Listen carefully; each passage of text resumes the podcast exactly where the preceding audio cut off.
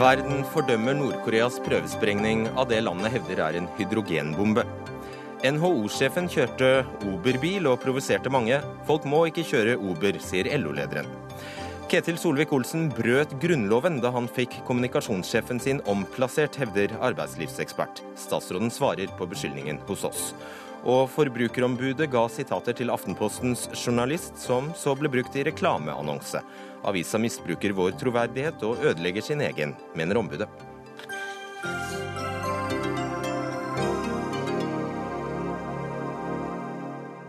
Ja, dette er bare noen av sakene vi skal rekke innom. Godt nyttår og velkommen til Dagsnytt 18 ønsket seg av Fredrik Solvang. 주체 105 2016년 1월 6일 10시 주체 조선의 첫 수소탄 시험이 성공적으로 진행되었다. Slik hørtes det ut da den nordkoreanske nyhetsoppleseren på en statlig nyhetskanal fortalte at Nord-Korea hadde gjennomført prøvesprengning av en hydrogenbombe. Det lukkede landet hevder altså å ha sprengt det som blir omtalt som det mest dødelige våpen noensinne. Og I ettermiddag anslår det seismologiske observatoriet NORSAR at kraften på bomben tilsvarte ca. 10 kilotonn TNT, som da kan sammenlignes med størrelsen på én av atombommene som ble sluppet over Hiroshima og Nagasaki i 1945. Som vi da vet er bombingen av de to japanske byene som skapte enorme ødeleggelser, og som satte en slutt for eh, andre verdenskrig. Peter Svaar, NRKs Asia-korrespondent, du er nå i Sør-Koreas hovedstad Seoul. Hva er reaksjonene på denne prøvesprengningen i nabolandet? Jeg vil si at eh, Blant de jeg har snakket med her, er det en blanding av eh, resignasjon og bekymring. Eh, noen sier at de ikke er redde, at dette har man jo vært igjennom mange ganger før. Dette er jo tross alt den fjerde atomprøvesprengningen Nord-Korea gjennomfører. Og så sier de at Nord-Koreas motiv i disse sprengningene jo først og fremst er å legge press på det internasjonale samfunnet. De ønsker å oppnå goder, forhandlinger, komme i forhandlingsposisjon lette på sanksjonene, ikke nødvendigvis å angripe eh, Sør-Korea. og sånn sett så er dette noe de ikke eh, frykter. Men det var også en ung jente jeg snakket med som var veldig bekymret fordi hun hadde bekjente som nylig hadde startet i militærtjenesten her, og var bekymret først og fremst for dem om situasjonen eskalerer. Det er jo bare noen måneder siden, i fjor høst, at det var artilleritrefninger på grensen mellom nord og sør med flere skadde sørkoreanske soldater. Så hører vi fra sørkoreansk etterretning at dette trolig ikke er en såkalt hydrogenbombe. Hva bygger de det på?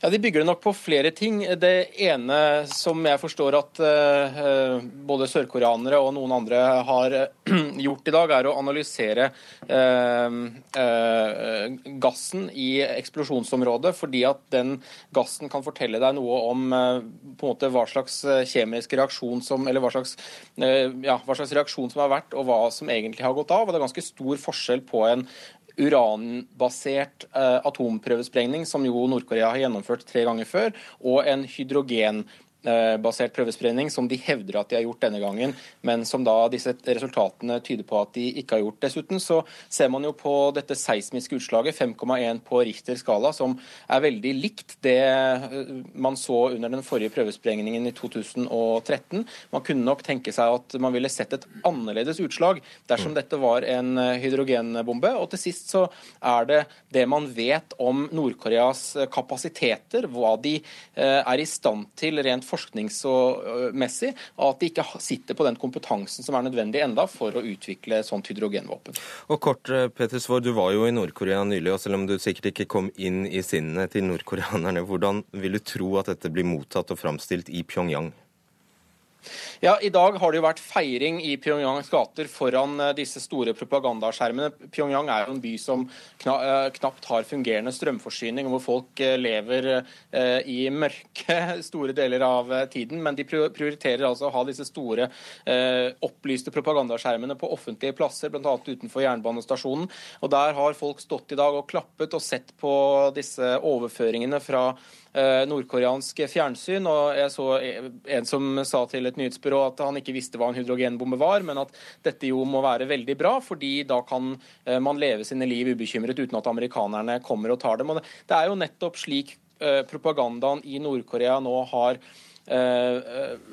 vært i tiår, og folk lever med dette og tenker på denne måten at eh, hvis ikke eh, de har disse stadig kraftigere eh, våpnene å, å, skremme med, så vil de på en måte bli invadert i morgen av, eh, av USA og av eh, USAs marionetter her i Sør-Korea, slik de ser det. Det er den boksen de lever i i Nord-Korea, dessverre. Takk skal du ha, Petter Svaar. Vi går til Gro Holm, NRKs USA-korrespondent.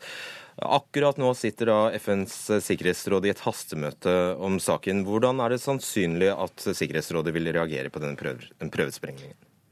Det jobbes med en sikkerhetsrådsresolusjon. Det er ikke sikkert den blir ferdig i dag, eller det er nok lite trolig, men det kommer sannsynligvis en fordømmende eh, uttalelse eller eh, pressemelding, altså enten en uttalelse fra presidenten eller en pressemelding eh, fra Sikkerhetsrådet. Og så jobber man videre da med en resolusjon som har som formål å skjerpe sanksjonsregimet overfor nordkoreanerne. Det finnes allerede fire slike sanksjonsresolusjoner når det gjelder Nord-Korea, vedtatt i årene fra 2006 til 2013. 2013. Som er veldig omfattende. Hva mer er det å stramme inn på? Ja, Det eh, typiske man gjør da, det er å utvide listen over firmaer og institusjoner og personer som er omfattet av sanksjoner, hvor eh, bankkontoer og andre eiendeler i utlandet blir frosset. Eh, og i tillegg da eh, skjerpe kontrollen med særlig transport av varer til og fra Nord-Korea. Vi vet at Nord-Korea har forsøkt å forfalske papirer, forsøkt å omgå disse sanksjonene for inn- og utførsel av varer. Eh, og der er jo i, i prinsippet alle land som slutter seg til resolusjonen forpliktet til å sjekke båter og andre transportmidler som går til og fra landet. Det har nok vært litt slepphendt med den kontrollen, og, og der vil kanskje FN eh, inkludere en resolusjon om at alle er forpliktet til å sjekke. Som vanlig er jo slike, slike eh, hendelser i Nord-Korea rettet mot USA. Hvilke reaksjoner har kommet fra amerikanske myndigheter så langt? Ja, eh, Det har kommet veldig få direkte reaksjoner. altså Man er usikker på om dette er en hydrogenbombe. Det er det ene. Det har en talsmann for Det hvite hus eh, uttalt. Eh, og så har det ikke kommet noen sånn direkte reaksjoner. Det er mulig det kommer nå. Det pleier å være en pressekonferanse omtrent på denne tiden i Det hvite hus, og der kommer det sikkert eh, en fordømmelse. Eh, men det er klart, nå er det i gang et møte i Sikkerhetsrådet, og vi vet at både Russland og Kina sannsynligvis kommer til å slutte seg til en, en fordømmende uttalelse. Og dermed så er det enighet med alle, mellom alle de fem faste medlemmene av Sikkerhetsrådet om å fordømme dette, og, og, og det på en måte gjør at USA senker litt skuldrene. Ja. Så, så, de venter nok på Sikkerhetsrådet. Takk skal du ha, Gro Holm. Sverre Loddgaard, seniorforsker Norsk utenrikspolitisk institutt. For å ta ett av disse faste medlemmene i Sikkerhetsrådet, så er det jo da Kina som er Nord-Koreas eneste allierte. Men man kan altså vente seg en fordømmelse også derfra? Jeg tror nok det, men vi kjenner jo koreografien fra tidligere runder, senest i 2013. Eh, Nord-Korea tester, Sikkerhetsrådet sammenkalles. Eh, verden fordømmer. Eh, USA går i spissen for nye sanksjoner. Kina toner det ned eh, som best de, de kan, men etterlates frustrert over den villstyrlige naboen. Og Sør-Korea etterlates frustrert over at de mangler innflytelse. Hvis det denne gangen blir bare med dette, så vil Nord-Korea ganske sikkert fortsette. Det er én erfaring fra de siste 25 årene som det er grunnen til å gripe fatt i her. Og det er at eh, i perioder hvor det har vært forhandlinger og avtaler, så har Nord-Korea stanset og til og med til dels reversert eh, sine kjernefysiske aktiviteter. I perioder hvor døra har vært lukket for diplomati, har de derimot brukt tida godt eh, til å lage atombomber. Så når riset bak speilet her er enda ytterligere flere sanksjoner, hva, hva godt kan komme ut av det? Nei, det kommer antagelig ikke eh, noe godt ut av det i betydningen begrensninger på Nord-Korea. Og verden har jo veldig små sanksjonsmuligheter. Det er Kina som har dem. Eh, Nord-Koreas utenrikshandel går for 90% vedkommende med Kina, men kineserne de holder eh, i det lengste på det de kaller for eh, engasjementspolitikken, og ser på Nord-Korea som en buffer som kan holde USA på viss avstand. Bl.a. fordi de ikke har ønske om 20 millioner lutfattige nordkoreanere over grensen Blant annet, over natta. Sunniva Rose, du er doktorgradsstipendiat i kjernefysikk ved Universitetet i Oslo. Mm. Nå hører vi jo at det er stor usikkerhet om dette faktisk var en hydrogenbombe, men hva er det for noe? En hydrogenbombe kalles også et fusjonsvåpen eller et termonukleært våpen. Og eh, det skiller seg fra en vanlig atombombe, slik som de som ble sluppet over Hiroshima og Nagasaki, eh, ved at i en vanlig atombombe så er det kun kjernespalting, tunge, tunge atomkjerner, som spaltes og frigjør energi. Et hydrogenbombe, der har du først en kjernespalting som deretter vil sette i gang at hydrogen smelter sammen, og så får du frigitt energi på en måte i to omganger. Du gjenskaper egentlig det som, det som skjer på solen i en eksplosjon. Og i et hydrogenvåpen så kan du da lage altså, omtrent så kraftige våpen du bare ønsker. Eh, og det kraftigste våpenet som har vært detonert noensinne på 60-tallet av Sovjetunionen, var den såkalte tsar-bomba. Det var en hydrogenbombe. Og den var 1400-1500 ganger kraftigere enn både Hiroshima og Nagasaki til sammen. Er den da mer eller mindre avansert enn en konvensjonell vanlig atombombe? Den er mer avansert. Så hvor sannsynlig er det at dette er en hydrogenbombe? Jeg, jeg ser det som lite sannsynlig, men, men, det er da også det er da også tatt på bakgrunn det som ble nevnt innledningsvis om at uh, Norsar har jo gjort Norsar blant annet, har gjort målinger på hvor kraftig dette skjelvet er. De har vel sagt nå i løpet av dagen at det er 4,9 på Rischers skala, og det tilsvarer ca. 10 kilotonn, eh, altså da Hiroshima-Nagasaki-størrelse. Og det er for lite til å være hydrogenbombe, eh, er første, første tanken. Og så er det jo også dette med at man kan gjøre, gjøre målinger av nedfall av gasser og støv og, og, sånne ting. Nå er det vanskelig å gjøre fordi at eh, sprengning er gjort under bakken. Så det hadde vært, hadde vært gjort over bakken, og ville det på en måte vært veldig mye lettere å finne ut av dette. Lodegård, hva vet man nå om Nord-Koreas atomkapasitet? At de har plutonium nok til eh, noe sånt som ti bomber. Eh, det vi ikke vet, det er eh, hvor mye anrikingskapasitet de har. Eh, vi vet at de har holdt på med dette gjennom i hvert fall dette århundret, og kanskje har de kommet langt, men på steder som i hvert fall ikke offentligheten kjenner. Så det er et stort, eh, et stort X. Eh, fremfor alt så vet vi ikke om de mestrer en teknologi som gjør det mulig å plassere atomladninger på raketter. Amerikansk etterretning er litt splittet på det.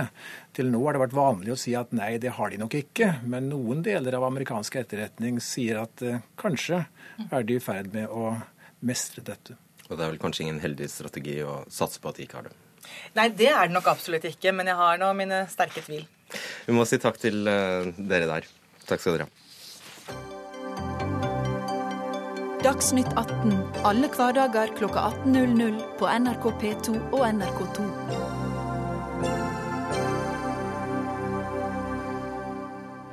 Nå skal jeg holde tunga rett i munnen. Vi skal snakke om et utenlandsk eh, selskap med et utenlandsk navn, som da enten heter Uber, Uber eller Uber, alt ettersom. Da NHO-sjefen tok med seg journalist og fotograf fra VG på en biltur med Uber, eller Uber, på starten av året provoserte hun mange, blant andre LO-lederen. Uber er et selskap som utvikler og drifter en mobilapplikasjon som formidler kjøreoppdrag mellom passasjerer og Uber-tilknyttede sjåfører som bruker egne biler i transporten. Dette blir jo bare tull med denne uttalen. Selskapet opererer i en gråsone som ikke er dekket av loven ennå, og er blitt anmeldt i flere byer rundt om i verden. Kristin Skogen Lund, administrerende direktør i Næringslivets hovedorganisasjon. Hvorfor eh, satte du deg i denne bilen? Ja, Nå satte jeg meg i en Uber Black som har løyve. Og det var, jeg er ikke registrert hos Uber, det var VG journalist sin telefon som bestilte den og betalte den. Så sånn sett har iallfall ikke jeg gjort noe galt. Men, eh, men det var ikke poenget. Poenget var å sette fokus på behovet for å ta tak i eh, hva dette betyr eh, for utviklingen av norsk næringsliv og arbeidsliv. Og det får vi jo si at vi i hvert fall lykkes med. For det er jo det det handler om, er at vi ser store endringer som kommer, og da nytter det ikke å stikke hodet i sanden og tro at det går over, for det gjør det ikke. Vi må møte det. og Aller helst må, må, vi møte det sammen og finne gode løsninger for hvordan vi kan sikre innovasjon, samtidig som vi må ha fair konkurranse for alle. Og Uber har til og med meldt seg inn hos deg? Det er det de har gjort, og vi syns jo det er fint at de nye aktørene ønsker å være en del av det organiserte eh, arbeidslivet. Og vi må ta dem på alvor, og vi må sørge for at vi eh, håndterer utviklingen på en klok måte. Og det er fred og velstand i NHO-familien rundt dette? Ja, altså jeg ser det blir fremstilt som at det er så stor uenighet. Det er det absolutt ikke. Vi snakker veldig godt om det. Og eh, vi har jo medlemmer som blir utfordret av dette. Eh, selvfølgelig har vi det. De er jo mine medlemmer også. Eh, men vi, det vi, budskapet vi prøver å få frem, er at vi må klare denne balansen mellom å sikre innovasjon og ønske nyvinninger velkommen, samtidig som vi ikke må gjøre det umulig å konkurrere for de etablerte. Og da må vi diskutere oss fram til disse kloke balansepunktene. Men du har svaret allerede, du, LO-leder Gerd Kristiansen. Du Nei. sier at man det kan, kan jeg ikke si at vi, det kan jeg ikke si at vi har. Ja, dere har ikke det, Men du Eh, liker ikke Uber sånn som det er i dag? Nei. Nei. Det gjør jeg ikke. Og det er fordi at det ikke er regulert. Altså, det, det, det snakkes så fint om delingsøkonomi. Dette er ikke snakk om delingsøkonomi. Det er ren kommersiell virksomhet, og da skal de reguleres på samme måten som andre som driver med persontransport i dette landet. hva slags regulering da? Ja, Reguleringen det handler jo for det første om å betale skatter og avgifter. Det gjør det jo. Ja Til det så strides jo også de lærde. Her er det veldig mye forskjellig på markedet. Og hovedsaken for oss, det er som Kristin Skogen Lund sier, vi skal ikke stikke hodet i sanda og late som om at dette ikke finnes. Eller å si at dette må vi forby. Vi må heller sørge for å få reguleringer sånn at de blir en del av et marked her hos oss. Og før denne reguleringen er på plass, så har du altså kommet med en klar oppfordring. Ikke bruk Uber. Det har jeg gjort. Jeg har sagt at folk er nødt til å tenke seg om før de setter seg inn i en, en Uber-bil. Man, man, man må gjøre det. Eh, Man må både tenke gjennom eh, altså, hva slags restriksjoner ligger det på disse sjåførene? Hva slags forfatning er denne bilen i? Og så videre, og så videre. Hva skjer dersom det skjer ei ulykke? Så, så det er veldig mange ting som må tas tak i. Og, så jeg er kjempeglad for at vi har denne store debatten, og den offentlige debatten som vi har nå. Og nå var det et par ting du ikke nevnte, men som eh, tidligere har blitt trukket opp som eh, argumenter mot hvem er det som betaler pensjonen og eh, sykepengene f.eks. til Uber-sjåførene Skoglund? Ja, altså Den Uber-sjåføren jeg satt på med, han var jo nå da ansatt i et selskap som drev en flåte med, eh, med biler og betalte skatt og hadde ting i orden. bare så... så Jeg tror bare veldig raskt vi skal forklare at det finnes to typer Uber. Det Ja. finnes altså en som kalles black, og det er de har løyver til å kjøre. Også det vi dis egentlig diskuterer her, er Ja. den kategorien som kalles Uber Pop, og som er privatpersoner som kjører. Når du tar din egen bil Ja. og lar noen Ja. sitte på og ta betalt for det. Ja. Nei, altså, men jeg tror, vi må, jeg tror vi må ta ett steg tilbake. fordi dette handler ikke bare om såkalt delingsøkonomi, det handler om hva digitaliseringen gjør med oss. Og når du plutselig får da store datamengder som kan prosesseres i samtid, og hvor alle er knyttet sammen via et internett, og alle har tilgang til det fordi de går rundt med telefoner, så muliggjør det veldig mye endring. Det muliggjør nye produkter og tjenester, ny forretningslogikk og helt nye måter å gjøre det på. Og disse endringene utfordrer så mangt. Altså Dette er så veldig mye mer enn Uber. Eh, og derfor så må vi sant, Det påvirker hvordan vi beskatter, det påvirker hvordan vi arbeider, det påvirker Jeg vil bare nevne et annet sånt eksempel. Ja. og Det er altså da eh, tjenesten Airbnb, som har blitt veldig populært på rekordtid. Det er en markedsplass hvor privatpersoner kan leie og leie ut boligene sine i kortere perioder. og Det, det fungerer også, også med en mobilapp. Eh, ville du kunne droppet hotellet og eh, overnattet på Airbnb neste gang? Ja, det kunne jeg jo nok gjort. Men jeg tror altså det, er, det som er så viktig å få fram her, da, det er at det blir fremstilt som at vi har en stor konflikt, og at, liksom, at det er arbeidstakeren som er truet. Men altså våre medlemmer som arbeidsgivere er også utfordret av dette her. Fordi de skal jo konkurrere med det. Og hvis vi også får et samfunn der flere og flere blir selvstendige og bruker kompetansen sin på flere arbeidsgivere fordi de får mer ut av det, så vil det jo bli vanskeligere for våre bedrifter å få tak i den kompetansen de trenger å ha fast knyttet til seg. Så det er veldig viktig å få fram at det her går begge veier. Og Kristiansen, etter den logikken du la for dagen når det gjaldt Uber, Uber så liker du heller ikke Airbnb. Nei, jeg gjør ikke det, fordi at det, det er på samme måten som, eh, som med Uber. Her, dette er også et område som er uregulert, og der det sitter utenlandske selskaper og tjener penger, og de som, og de som eh, Så nå har du blitt hotellbaronenes bestevenn. jeg har vel vært hotellbaronenes beste venn i veldig mange år. Fordi at jeg bor veldig mye på hotell. Men, men, men, men det er klart, det utfordrer, som Kristin sier, også næringen. Så det er ikke bare de ansatte som blir utfordra her. Næringslivet utfordres også. Men da må vi finne gode løsninger. Det Ja, er det som er hovedsaken. disse, jeg snakker om denne balansen. altså Det må få lov til å vokse frem, men veldig raskt så må de reguleres eh, på like vilkår som de eksisterende. Men da tror jeg det må innebære en eh, deregulering av de eksisterende. Jeg tror dette må møtes på midten et sted hvis vi skal få det til å fungere. Og det er noe med at vi kan ikke, vi kan ikke gjemme oss fra det. Hvis vi prøver det, så tror jeg at liksom, disrupsjonen den kommer til å skje likevel. Men da er det andre som kommer inn og, og tar det, istedenfor at de eksisterende har en mulighet til å tilpasse seg en ny virkelighet. Og bare, eh, Forklar bare til, til slutt, Kristiansen, den prinsipielle forskjellen mellom en selvstendig næringsdrivende, et enkeltmannsforetak, som, du, som da heller ikke setter inn penger til, til tjenestepensjon f.eks., og en Uber-sjåfør.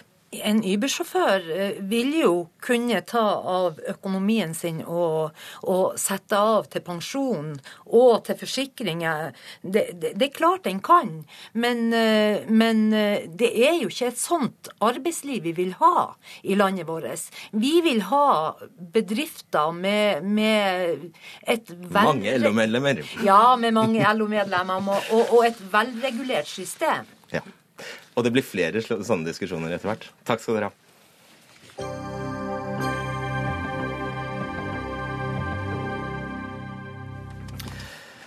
Gratis kollektivtransport alene er ikke et egnet akuttiltak for å redusere NO2-konsentrasjonen på dager med høy luftforurensning. Ja, dette viser en analyse som Transportøkonomisk institutt har gjort i samarbeid med NILU og Urbanet Analyse. Samferdselsminister Ketil Solvik-Olsen mener likevel at det kan være et bra tiltak med gratis buss og bane. Forsker ved TØI Transportøkonomisk institutt, Lasse Fridstrøm, dere mener altså at det ikke hjelper med gratis kollektivtransport for å redusere den farlige luftforurensningen på de verste dagene. Hvorfor ikke? Nei, gratis kollektivtransport vil trekke et stort antall nye passasjerer til kollektivtrafikken. Teoretisk beregner vi bortimot 50% økning, i praksis kanskje 15-25 25 økning. Men bare få av de vil være tidligere bilister, ca. 1 av 6. Og bare 1 av 12 vil være en tidligere dieselbilist. Så det gir en liten nedgang i NO2-konsentrasjonen i Oslo-området, men ikke mer enn det. Hvem er det da som hiver seg på bussen bare fordi det er gratis? Det er gående, det er syklende, og det er folk som tidligere ikke reiste.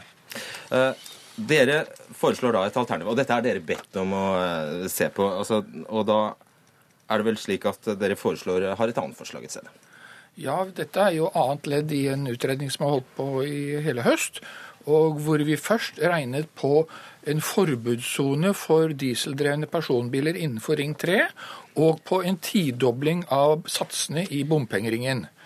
Eh, Det første eh, tiltaket, forbudssone, har litt bedre effekt enn det andre. Vi snakker om 12 kontra 7% reduksjon i NO2. Men det andre tiltaket, eh, høyere pris i bomringen, er mye smidigere. Og ingen risikerer å tape mer enn 320 kroner per dag på det tiltaket. Om du får et forbud eh, mot bruk av dieselbiler Noen vil si det er ganske mye, da. 320 Ja, det er mye, men hvis vi får et forbud innenfor Ring 3, så kan en arbeidsgiver risikere å tape flere tusen kroner, kanskje millioner, på at en arbeidstaker ikke kommer på jobb. Det er mye mer uforutsigbare kostnader for samfunnet med det tiltaket. Bare fortell kort. I Bergen har de jo innført såkalt datokjøring. Hvordan fungerer det, fungerer det for miljøet? Ja, det fungerer jo uh, i og for seg OK på kort sikt, men hvis dette blir en vane, så vil stadig flere familier skaffe seg to biler, én med oddetallsskilt og én med partallsskilt. Slik er det i Aten, der de har dette. Og det fører i det lange løp til mer bilkjøring, ikke mindre. Ok. Takk skal du ha, Lasse Frisøm. Du skal få slippe å debattere, siden du er fagmann. Til det har vi samferdselsminister Ketil Solvik-Olsen fra Fremskrittspartiet og Elise, Kari Elisabeth Kaski, partisekretær i SV. Vi starter med deg, statsråd. Mener du fremdeles at det er en god idé å tilby gratis kollektivtransport på dager da luftforurensningen er ekstra ille? Ja, Det mener jeg er et bedre bidrag fra skal vi si, det offentlige når alt går galt. At vi tilbyr en gratis tjeneste til innbyggerne, framfor at vi virkelig straffer de som ikke har alternativ. Hører du dårlig på det øret, eller? Nei, altså det handler litt om å ivareta flere interesser, og nettopp ivareta innbyggerne sine interesser. For altså, hvis, hvis, du tar dette med Oslo, så hadde det altså kosta 320 kroner passert gjennom bomringen. Driver du transportnæring, så skal du gjerne inn og ut av bomringen flere ganger i løpet av en dag. Kjører du da en tungbil i tillegg, så er det altså 960 kroner per passering. Passerer du bomringen fem ganger, så er det altså 5000 kroner nesten du skal betale. Jo, Men det er jo ikke pengene vi snakker om, vi snakker om å få ned den Nettopp, dårlige, få vekk den dårlige lufta. Men, men da er jo greia at hvis du da har kollektivtransport som er gratis, så sørger du for at du ikke straffer de som uansett må kjøre, men du gir et alternativ til de som kan velge vekk. Og Så kan vi jo se den positive effekten her at ja, en del av de som går sykler, ville sannsynligvis gjort det. Men så er spørsmålet hvor mange sykler en vinterdag når det er 10-15 minus? For det er jo de dagene luftkvaliteten er dårlig. Veldig få, tror jeg. Derfor tror jeg disse modellene her er litt misvisende. Jeg tror ikke du betviler forskningen? Ja, for jeg, ja, for jeg tror ikke det er så mange som går og sykler på en dag der det er så iskaldt at du faktisk får de miljøproblemene her å diskutere. Men dette kunne være en god måte faktisk å sagt la oss bruke dette til anledning til å si at nå er det gratis. Det betyr at folk blir ikke straffa, men vi gir en gulrot til å prøve noe annet. Og hvem vet, kanskje vi gjør noen av disse som ikke bruker kollektiv i dag, at Oi, her er det et busstilbud som jeg ikke var obs på. Har du budsjettert med dette? Solveig Kollesen? Vi har økt bevilgningene til kollektivtrafikk i de største byene med 300-400 ja, Men har du budsjettert med gratis kollektivtransport i de største byene? Det er ikke mange dager det vil være et alternativ. Og du trenger heller ikke å si at all kollektivtrafikk i hele byen er, er, er gratis, men du kan si at på de strekningene der folk normalt kjører bil, så sørger du for at du setter opp ekspressbusser. Det gjorde det borgerlige byrådet i Bergen forrige gang dette var et problem. Da satte de opp ekspressbusser som var på innfartsårene til Bergen, og de mener selv at det fungerte godt. Okay. Kari Elisabeth Kaski, partisekretær i SV. Så vidt jeg husker, så var dette forslaget om gratis kollektivtransport faktisk et rødt forslag, så det er jo Du burde faktisk snuse på det. Ja, altså Jeg syns jo det er prisverdig av samferdselsministeren å komme med forslag og bidra til at vi får diskutere det, men det er jo synd at det kommer i forbindelse med at du får de sedvanlige førstesideoppslagene om at luftkvaliteten er direkte helseskadelig og tidvis fører til at folk dør en for tidlig død. Og man skal huske på at det er ikke de enkeltdagene som er liksom med høye verdier som er de mest skadelige, det er den langsiktige effekten av høy luftforurensning, og det har vi, så vi trenger langsiktige tiltak her. Mm. Så Derfor er det uh, også beklagelig at de tiltakene som, som, foreslås, og da særlig gratis kollektivtransport, som jo er vanskelig å være imot, men det vil jo ikke funke for å få ned luftforurensninga og for å få til den langsiktige omlegginga til et transportsystem som faktisk har null utslipp. Og det er jo det som vi skal få til. Okay, så av de tre alternativene spørre, spørre Kaski om det fort. Så av de tre alternativene Fridstrøm skisserte, altså en forbudssone, gjøre prisen veldig mye høyere, eller gratis kollektivtransport? Hva sogner dere til? Altså, vi er nok litt mer mangefasettert holdt på å si, i, i, våre løsninger. Men vi har jo foreslått og ønsker å få til i Oslo. Men der er det jo faktisk samferdselsministeren som er bremsekloss. For vi ønsker å få til lavutslippssoner i Oslo og å prisdifferensiere i bomringen, sånn at du får luka ut de aller mest forurensende bilene i forkant. Men akkurat det får vi ikke lov til å gjøre enda, før vi får et go fra samferdselsministeren. Så jeg håper jo på å få det i dag. Okay, her er det flere moment. La meg ta først det med langsiktig løsning. Ja, gratis buss er en kriseløsning for de dagene det er aller verst. Det er jo derfor vi sier at vi må få en, en eh, forbedring på, eh, som, som, funker hver dag. Og Det er derfor vi har økt bevilgningen til jernbanen med 50% Det går over 100 flere tog ut av Oslo S hver dag nå, sammenlignet med når SV styrte. Kollektivbevilgningene ligger altså 30% over det som var planen i Nasjonal transportplan i de store byene. Sykkelveisatsingen i 2016-budsjettet er en økning på 60% sammenlignet med 2015. Det er de langsiktige greiene. Så på de kortsiktige tiltakene som hun nevner. For det, det, er faktisk allerede i dag lov i lovverket å øke bompengene på dager med høy forurensning. Så du sier det ikke er lov, det er faktisk lov. Om, om en er for eller imot det, det får en vel vedta hvert sted lokalt. Men det er faktisk lov, det som TØI foreslår. Det, det, det, er faktum. Og så, men bare til det med lavutslippssoner, som Kaski sier, så må du godkjenne det. Lavutslippssone, så er det faktisk òg i dag sånn at Eh, der er et, eh, det er hjemla i, i lovverk eh, at du kan ha lavutslippssoner på dager med høy forurensning. Så det er òg på plass for de som ønsker å bruke det. Når det gjelder den langsiktige lavutslippssonene, så er det noe jeg har sagt gang på gang at den ligger nå i Vegdirektoratet. De skal lage et lovverk på det. Men la meg da minne om at Vegdirektoratet foreslo dette 2.10.2012. Da satt ditt parti i regjering. Det tok dere to dager å si at det er helt uaktuelt å innføre et sånt et lovverk. Okay. Og det å komme nå og etterlyse det fra oss, som dere sjøl la, la dødt, er, er, litt rart. Samtidig så har deres regjering sittet nå i to og et halvt år, og luftforurensninga er verre. Og Nei. vi er dømt for det. Så det, det er ja, ja, og derfor så etterlyser vi nettopp okay. Kanskje hvis, kanskje hvis Solvik-Olsen har rett her, så tyder jo alt, alt, på at politikere generelt vegrer seg for å innføre de mest Nei, upopulære tiltakene. Det er jeg direkte uenig i. fordi mens vi satt i regjering, så gjennomførte vi mange avgiftsendringer som jo bidrar til å få til det skiftet i bilparken. gikk ned, ja. ja og, den, og, det er jo det som har skapt en del av problemet. var jo en avgift som dere ville ha enda lavere. Nei, jo, det nei. var det. Frp kjempa for en lavere avgift, så hvis dere hadde styrt i samme periode, så ville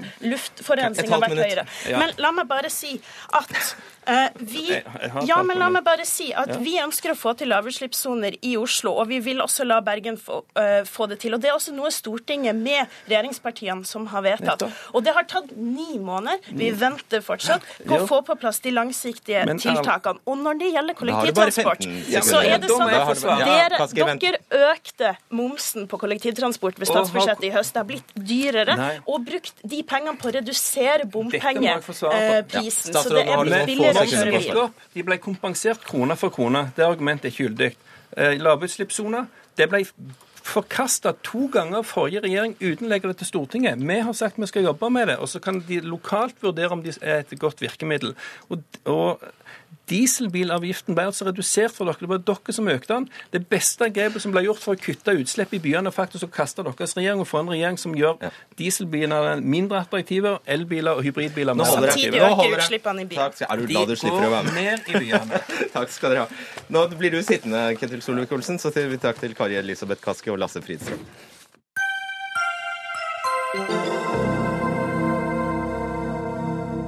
For i flere artikler mener Dagens Næringsliv å ha dokumentert at samferdselsminister Ketil Solvik-Olsen fikk fjernet lederen for kommunikasjonsavdelingen i departementet fordi han var misfornøyd med at hun ikke ville drive det hun anså som partipolitisk arbeid for Frp. Men problemet er bare at Storli er embetskvinne, så da er det minst to spørsmål som reiser seg. Stemmer det at statsråden har krevd avgangen til en ekspedisjonssjef fordi hun ikke ville drive Frp-propaganda? Og er alle lovpålagte prosedyrer i forbindelse med omplasseringen gjennomført. Ketil Solvik-Olsen, ga du noe som helst signal til eh, ny departementsråd Villa Kullid om at du ønsket Anne Marie Storli bort fra sin stilling? La meg slå fast at vi har aldri bedt Anne Marie om å utføre partiarbeid for oss ei heller kommunikasjonsavdelingen. Det er ikke riktig det DN påstår, at vi har bedt de utføre arbeid. Men vi har bedt kommunikasjonsavdelingen å ha kontakt mellom departement og ordførere fra andre okay. parti. Så har vi presisert det. Ja, ikke sant? Men det er litt av kjernen, for det har Anne Marie eh, definert som partipolitisk arbeid. Men det er det ikke. Nei. Det er ingen Frp-interesse i å være med og ha et møte med en Ap-ordfører for han i media, men vi gjennomfører det for det er en del av rollen min som statsråd. Og det er noe av eh, Så kan du svare på spørsmålet. Ga basert, du noe signal til Kulli? Basert på det så kan du anta at det har vært visse samarbeidsutfordringer mellom politisk leder og kommunikasjonsavdelingene. Og det har jeg flere ganger påpekt. En rekke ganger påpekt overfor forrige departementsråd og dagens departementsråd. Men spesielt overfor forrige departementsråd. Jeg sier at vi får ikke den leveransen som vi forventer. Ikke har ingenting med partipolitikk, men i forhold til eh, normal produksjon. Ja, og der var dere, Bare for å oppklare for lytterne og seerne. Du mener kjernen i, i, i denne saken er at du og Storli var uenige om hva som skulle defineres som embetsverkets arbeidsoppgaver? Nei, det, det, er en mye bredere sak. som du, Vi hadde i, i lang tid eh, en opplevelse av at samarbeidet ikke fungerte godt. Det rapporterte jeg om til departementsråd Eva Hildrum. Hun var klar over det. Vi diskuterte det mange ganger. Det står òg i et notat som Dagens Næringsliv har publisert, som er skrevet av Eve Hildrum. som bekrefter ja, Der står det at hun oppfattet at du hadde et ønske om mer partipolitisk bistand. Det er ikke riktig. Det men det hun... står det i det notatet? Ja det, ja det, står i notatet, men hun har aldri sagt det til meg så lenge hun var departementsråd. Så akkurat det Så er også hun misforstått da? Nei, der skulle jeg ønske at Eva Hildrum møtte opp i studio for å fortelle hvorfor hun skriver det. Det har hun ikke ønsket? Nei, nettopp. Men hun har aldri sagt det til meg, sånn at det er egentlig en av kjernen i saken. Hvorfor står det noe som jeg mener okay. ikke er riktig? Men det er riktig at det åpenbart har vært samarbeidsutfordring.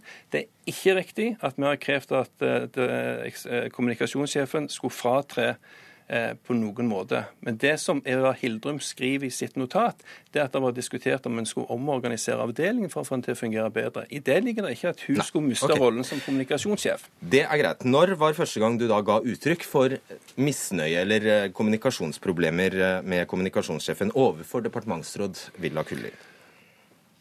La meg si at det ble gitt mange beskjeder til forrige departementsråd i 2014, i 2015, og det ble tatt opp med Villa Kulli så fort hun tiltrådte i 2015. altså også, i september eller i mai, da hun fikk tilsagn om jobben? Det var òg et tema når uh, vi hadde vi si, kompetanseoverføring fra forrige departementsråd til nåværende departementsråd lenge før uh, Lenge før hun tiltrådte? Hun tiltrådte. Men, I mai. Men, men Kulli hadde ikke, så langt jeg vet, tilgang til noen personalmappe eller dokumentasjon. Men selvsagt, i alle sånne stillinger så bruker en tid på å lære hva er det som er pågående saker, så han er forberedt når han faktisk tiltrår og sitter selv med ansvaret. Fordi det, det, som er så rart, er at Villa Kulli, da hun var her i studio og lot seg intervjue, så sa hun at hun begynte å jobbe med denne saken før hun hadde tiltrådt.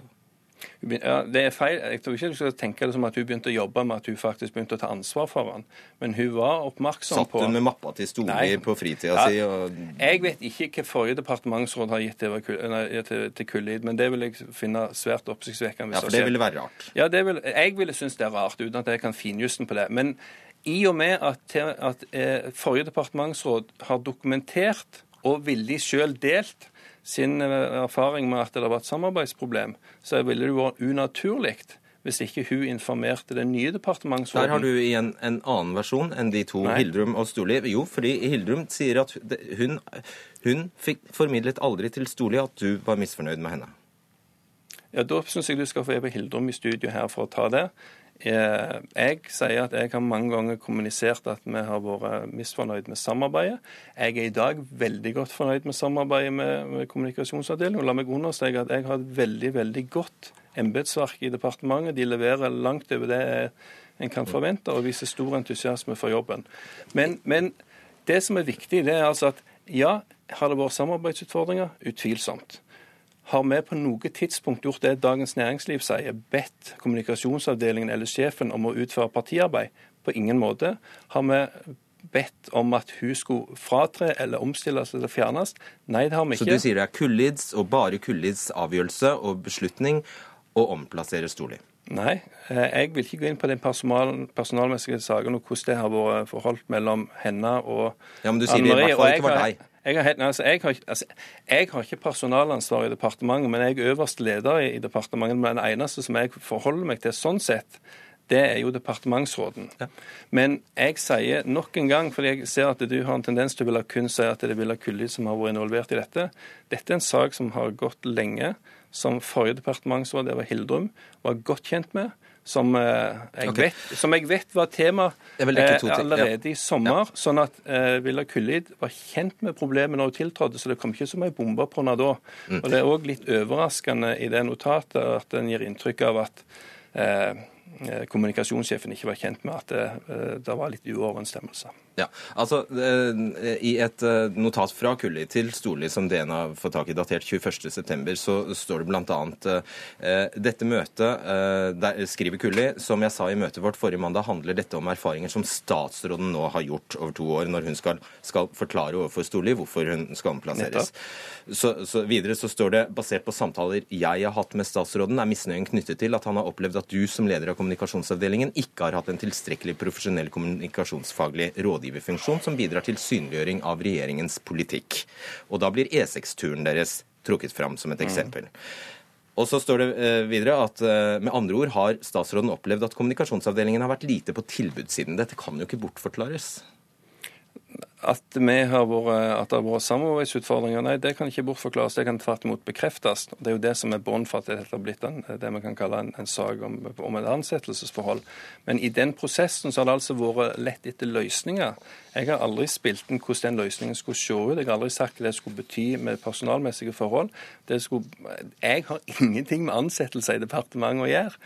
Men det, en, det var en vane eller en forventning fra forrige departementsråd og dagens departementsråd at vi hele veien kommuniserer på hva det departementet skal levere politisk, hva er det vedtak er gjort i Stortinget vi skal følge opp, hva må vi da ha av ressurser for å få den ting til å skje. Men deretter så har det vært departementsråden som sørger for å sette disse tingene ut i livet. Eh, jeg har ingenting med det å gjøre. Men Villa Kulli Og hvis det var sånn, svar på det. Hvis det var sånn at du ønsket Solli bort, ga uttrykk for det overfor Kulli, da måtte du også ha gått, ikke sant? Men jeg har ikke gitt det inntrykket. Men, sånn. men, men poenget er òg at det Villa Kulli dog har sagt, det er jo at hun har heller ikke hatt som utgangspunkt at uh, kommunikasjonshjem skulle gå løs, arbeidet her, som vi har prøvd både med forrige departementsråd og dagens departementsråd, var jo å få ting til å fungere. Og så har det skjedd ting som handler om personalmessige forhold her, eh, som jeg ikke vil kommentere og ikke Nei, kan kommentere. Men greia her er altså at ja, vi har eh, hatt samarbeidsproblem.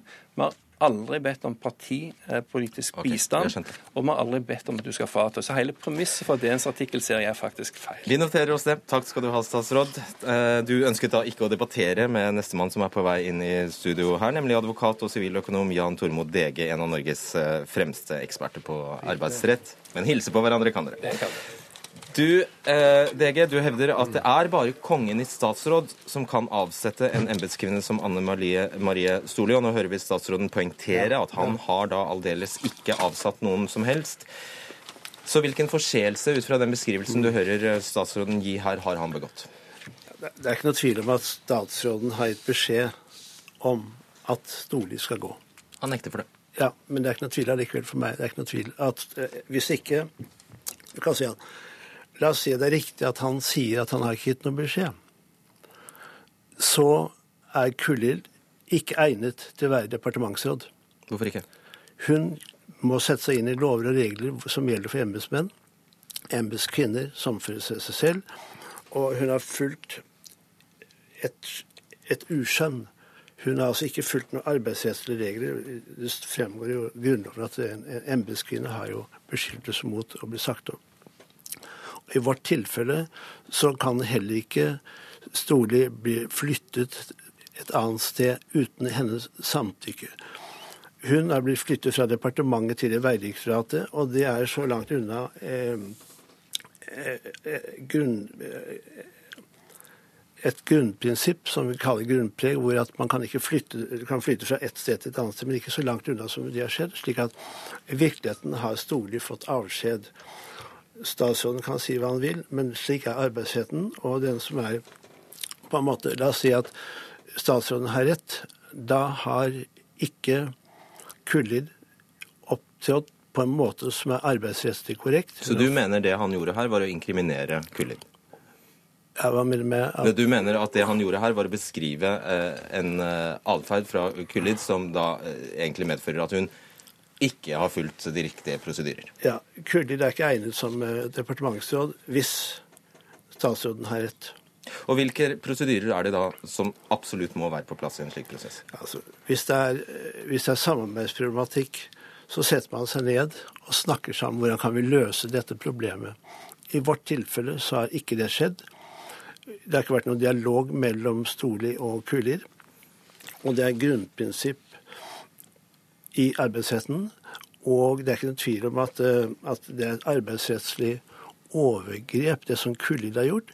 slik at det som statsråden nå gjør, er å si at Kullid, du er ikke egnet til å være departementsråd fordi hun er altså da Hun har jo hun er 51 år gammel siviløkonom, Kullid, og skulle egentlig kunne mer, men hun har ikke fulgt én en eneste regel. og departementets ansatte, Samferdselsdepartementet, har nesten begynt å frykte for at departementsråden nå men det kan vel heller ikke være slik at hvis du er verdens dårligste kommunikasjonsleder, så blir du, men embetskvinne, så blir du sittende til evig tid? Nei, men hun har også vært kommunikasjonsdirektør i departementet, Samferdselsdepartementet, Teledirektoratet, i 15 år. Og dette notatet som eh, statsråden nevnte fra Eva Hildum, det ligger her. Eva Hildum er kjempefornøyd med Storli. Dette er notatet som du har sikkert sett. Statsråden har sett det. Her står det svart på hvitt. Jeg er kjempefornøyd med det arbeidet du har gjort. Vi, eh, tiden løper fra oss, eh, Ja, ja. Men tusen Ja. takk skal du ha for at du kom, eh, Jan Tormod Dege. Og så skal vi bare legge til at Stortingets kontroll- og konstitusjonskomité skal ta opp saken over nyttår. så Det blir spennende. Det blir spennende. Takk. Hør Dagsnytt 18 når du vil. Radio NRK Radio.nrk.no.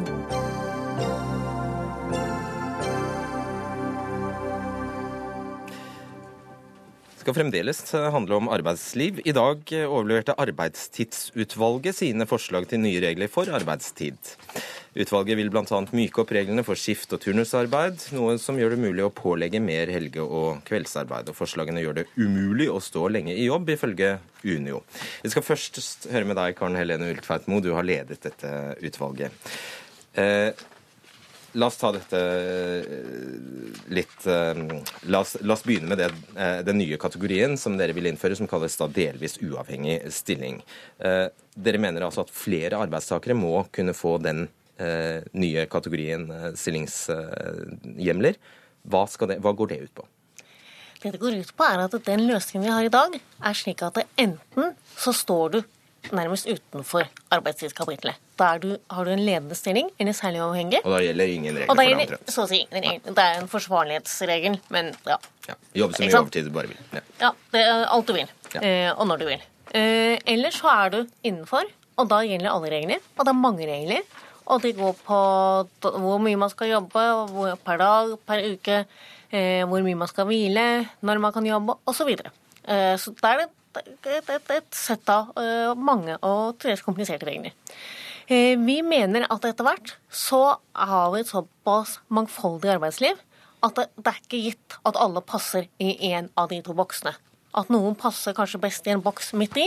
Og man skal ha i mente at den loven vi har, den stammer jo fra en tid da den ble laget som en fabrikkarbe- fabrikkarbeidervernlov, lov, og var til for de som jobbet på, på fabrikk, og som da hadde veldig homogen arbeidstid.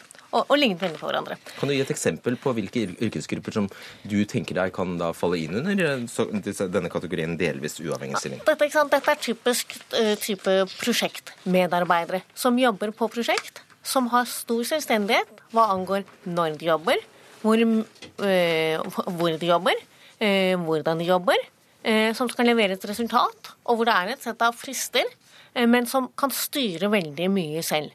Og hvis ikke de vilkårene er oppfylt, så er det ikke delvis uavhengig. Jeg får beskjed fra kontrollen her om at vi må få opp farta her. Men Nei, jeg snakker for det, ja, jeg vet, det er ikke din feil. Eh, Men jeg skal bare spørre deg da. Ok, Når det gjelder arbeidstidsbestemmelser, så eh, går dere da i hovedsak ut på Altså dere, dere går inn for å myke opp noe. Forklar eh, enkelt. Ja, Det vi går, for, går inn for å myke opp, det går på skift og turnusarbeid. Og det, Bakgrunnen for det er de innspillene vi har fått, i, første rekke de innspillene vi har fått om at vi har en problematikk innenfor helse- og omsorgssektoren.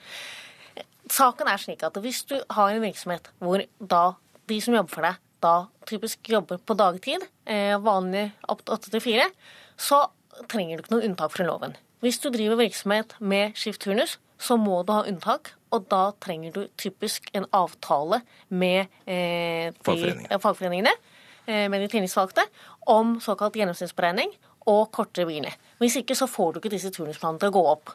Eh, Det har utviklet seg til å bli et skikkelig problemområde, eh, for det, det får man ikke hvis ikke man tjener da innvilger at man kan jobbe færre søndager enn det som loven åpner for. Dette her har vært en strid. Det har pågått i mange år. Skift-turnusutvalget påpekte det samme, at vi har etter hvert begynt å få en helgeproblematikk innenfor helse- og omsorgssektoren som ikke er til å leve med.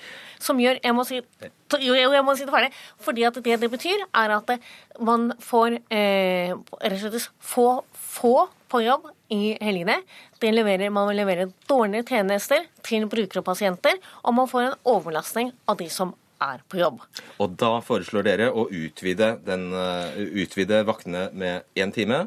Nei, vi, de vi, nei, vi foreslår at At man kan sette opp vakter på inntil ti timer. arbeidsgiver kan såkalt da gjennomsnittsberegne innenfor meget eh, stramme rammer, og de kan innvilge, og de kan også ha noe, i noen vakter operere med kortere hvile. Så vi, er et, vi legger oss veldig nært det man gjør i Sverige, og strammere enn det man gjør i Danmark, for at eh, man rett og slett skal på en måte se om man kan komme en ny vei.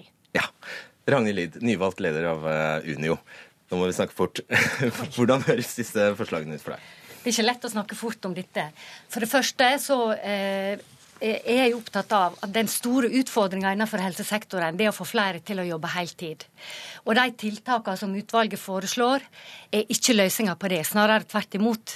Dette vil føre til at flere tar deltidsstillinger for å kunne regulere dette sjøl. Det å måtte jobbe flere helger vil ikke føre til mer heltid, og det vil heller ikke føre til at folk står lenger i jobb, noe som er den store utfordringa i arbeidslivet. Når det gjelder den, andre eh, du peker på, eh, når det gjelder beregning av eh, lengre arbeidstid, så er det noe som eh, ekspertrådet, altså Arbeidstilsynet og Petroleumstilsynet, eh, ikke har anbefalt. Så, men nå må jeg vi, vi sier ikke at man skal endre på de ytre rammene for arbeidstid. Det eneste vi gjør, er at vi tillater arbeidsgiver å få noe bitte litt mer innflytelse okay. når det gjelder fordelingen og muligheten til å konsentrere, konsentrere arbeidstid. Og vi mener jo bestemt at dette vil legge til rette for mer heltid. Det er også en av grunnene til at vi gjør det. Så her er vi rett og slett veldig uenige. Det er dere. Anne Kari Bratten, administrerende direktør i arbeidsgiverorganisasjonen Spekter.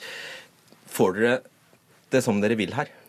Ja, Vi kunne jo tenke oss at arbeidstidsutvalget gikk enda lenger, for vi mener at det bør være mer styringsrett hos arbeidsgiver og mindre vetosrett hos fagforeningene. Men når det er sagt, så er dette et veldig godt stykke på vei. Det sikrer at vi får nok folk på jobb når det er behov for det, at vi får politi på jobb når det er behov for det, at det er nok folk på jobb på sykehusene når det er flest pasienter. Det hindrer lovbrudd. Og så er det jo slik at dette kommer til å føre til at det blir mye lettere for arbeidsgiver å tilby heltidsstillinger. Og det må være bra både for de som trenger å jobbe heltid for å sikre sin økonomiske selvstendighet, og for at vi trenger arbeids arbeidskraft. Og du sparer penger, for du slipper å inngå disse dyre særavtalene med forbundene? Nei, det har ikke noe med særavtaler å gjøre. Dette er innenfor lovens yttergrenser og er helt ordinære arbeidsplaner. Det er arbeidsgiver som er ansvarlig for pasientbehandlingen og for togtrafikken, og da må arbeidsgiver få fastsette arbeidsplanen. Jo, og da reduserer en hviletida, noe som en vet forskning viser. Nei, nei, nei. Dette er ikke noe annen hviletid enn det som er i de ordinære arbeidsplanene i dag, Ragnhild. Altså, dette er ned til ni timer, og det er helt vanlig i sykehusene f.eks. i dag. Så dette er bare når dere Med avtale, ja. Med avtale, ja. Mm. ja. Men ja, litt, litt, bare fortsett. Det blir jo ikke noe mer forsvarlig om dere skriver under på det. vet du. Det er jo Arbeidsgiver må ta ansvaret for at den er forsvarlig eller ikke. Tolker du Li, dette her som en blank seier til arbeidsgiversiden? Uh, tolker, nå har vi hatt en gjennomgang av arbeidsmiljølova som ga en forskyving av makta, mer styringsrett til arbeidsgiver. Vi ser på disse forslagene her som en ytterligere forskyving av makta. Det er det vi ikke kan akseptere. Men det er jo arbeidsgiver som bør ha makt når det er arbeidsgiver som har ansvar for et fullt forsvarlig arbeidsmiljø. Det er det jo ikke fagforeningene som er, har. Og så er det jo også arbeidsgiver som har ansvarlig for forsvarlig togtransport og forsvarlige helsetjenester. Og da må jo arbeidsgiver ha det siste ordet når det gjelder å sette opp men, arbeidstidsplaner. Og disse forslagene her, her, de er jo mye Altså de arbeidstidsordningene vi kan få til med dette forslaget, er jo mye mildere mot arbeidstakeren enn det som dere inngår avtaler om i dag. Så dere inngår jo avtaler som har mye lengre vakter og mye kortere hviletider i dag. Men da skal dere ha ekstra betaling for dere, dere skal ha fri tredje hver helg, dere skal bestemme hvem som skal være på jobb. Dere, ja, ta det litt. dere har jo nettopp f.eks. I, i et forbund som ligger under deg, nemlig politiet, der har dere jo nettopp inngått en ny arbeidstidsavtale som er langt mer liberal enn altså, dette. Vi kan inngå lokale arbeidstidsavtaler når det er i samråd mellom arbeidstakere og arbeidsgivere. Uh, jo, altså politiet opplever dette på en annen måte. Vi er nødt til å lytte på hva som er utfordringer i helsesektoren, og vi lytter på hva våre medlemmer er opptatt av der, hva som skal til for å løse de store utfordringene der, nemlig flere heltid. Vi må ha tak i flere eh, som kan stette den kompetansen okay. som er nødvendig. Dette er ikke svaret på det. 20 sekunder på tampen, Ulsveitmo.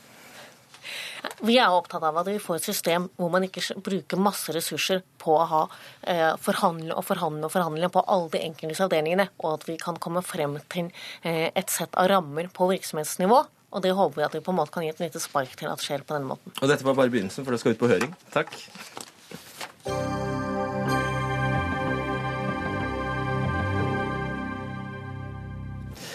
Kan uttalelser gitt til en redaksjon brukes fritt i annonser i den samme avisa som reklame?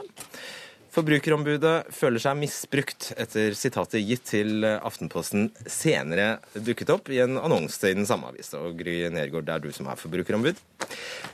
Eh, forklar hva dette dreier seg om. Altså, du reagerte så sterkt på eh, at et sitat fra en av dine ansatte eh, som er gitt til Aftenposten, senere endte opp i en annonse i den samme avisa. Stemmer det? Ja, det er riktig. Hva dreier det seg om? Eh, Det var en reklame for et reisebyrå, og eh, en av mine fagdirektører hadde tidligere uttalt seg om reisebyråbransjen eh, til Aftenposten, og et av sitatene som han har gitt i den forbindelse, dukka da opp i denne reklamen for reisebyrået.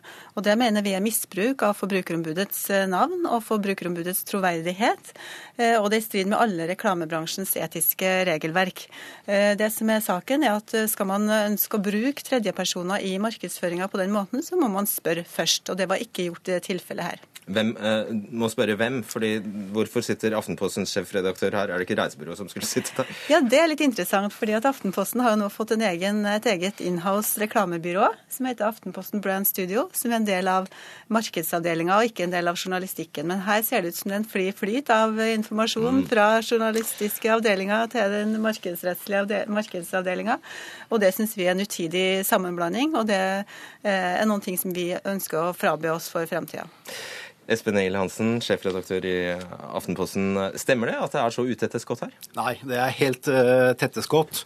Eh, og, uh, og det som eh, har skjedd her, det er helt riktig. Vi snakker her om en eh, reklame, en eh, annonse for et reisebyrå, eh, Berg-Hansen. Eh, Den er godt merket som eh, reklame, det er tydelig på alle måter. Og det sitatet eh, som er hentet fra en av dine medarbeidere i en helt konkret sak, er brukt på det vi må kunne si på en eh, rimelig og lojal eh, måte. Hva mener du med det helt konkret? Sto det sier Forbrukerombudet til Aftenposten den og den dagen? Nettopp. Så dette her, her er det jo snakk om en eh, tekst, og hvor det er helt åpent hvor den sitatet kommer fra. Og i samme artikkel er det også henvist til innhold i NRK i samme saken. For måte på hvor prippen man skal være, da.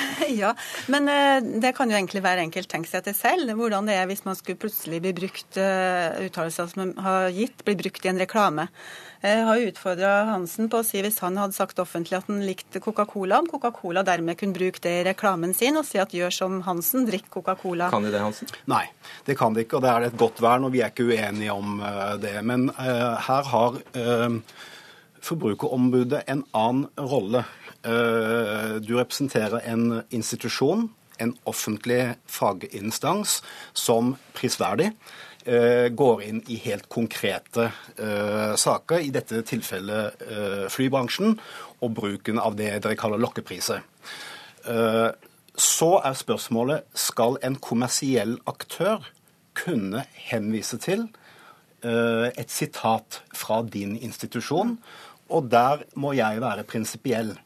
Ja, de har en soleklar rett til det, på linje med andre, å delta i den, i, i, den, eh, i den debatten. Der kan jeg som sjefredaktør ikke sette grensen. Tvert imot så må jeg si her er det ytringsfrihetsprinsippet som gjelder. At også en kommersiell aktør kan ha et helt legitimt behov for å komme til orde, framheve fordeler ved sin drift osv. Her er det veldig stor forskjell på det som Aftenposten driver normalt sett med journalistikk, eh, og det som dere har begynt med nå, som er reklame. Ytringsfrihetens grenser er helt annerledes for reklame enn for journalistikk. Jo, men Det er vel Berg-Hansen som har bestemt seg for å bruke dette sitatet, Jo, men ikke nå går vi på, altså Aftenposten er reklamebyrået, så de har også et ansvar her. Eh, Vi har valgt å gå på, på reklamebyrået. Men det er klart at, ø, at de juridiske grensene de, de er nok på vår side her, vil jeg nok si. Men det etiske regelverket er også på vår side, og det er ganske viktig. og Det bør Aftenposten ta inn over seg. Du sier at vi har en helt annen rolle, men hva hvis Mattilsynet sin direktør da har sagt i et offentlig intervju at han likte cola, kunne de da brukt det da? Det hadde bare blitt enda verre. Og når Erna Solberg snakker om at hver enkelt må, kan ta ansvar sin egen psykiske helse i sin nyttårstale, kan en psykolog bruke det i sin markedsføring? Spørsmål? Eh, eh, Dersom eh, en, en produsent av matvare ønsker å, eller henviser til offentlig forskning rundt skadeligheten av bruk av salt f.eks., så mener jeg det helt klart er, er innenfor, hvis det er en offentlig institusjon som er det. Vi er på ville veier. Ja, dere er på ville veier. Nei, nei, vi er på ville veier dersom en offentlig instans som eh, Forbrukerombudet eller andre skal kunne sitte og definere hva som skal brukes i en offentlig debatt, og det er det som skjer her. I en er- offentlig debatt det er noe helt annerledes. Da snakker vi om journalistikk, og journalister og presse har en helt annen eh, rolle i samfunnet enn reklame har. For reklame så gjelder det mye strengere grenser for hva man kan si. Sitatretten som du viser til kommer ikke inn der. Ytringsfrihetsgrensene er helt annerledes. Så det som gjelder for reklame, er at man må spørre tredjepersoner om å få bruke Med all respekt sitater. for det- Forbrukerombudet, så er det ikke åndsverksloven som beskytter eh, når dere aktivt går inn i en sak. Det er ytringsfriheten, og et reisebyrå har en helt legitim rett til å argumentere for sitt syn. Det var Dag Dørum som var ansvarlig for denne sendingen. Teknisk ansvarlig Erik Sandbråten og i studio Fredrik Solvang. God kveld.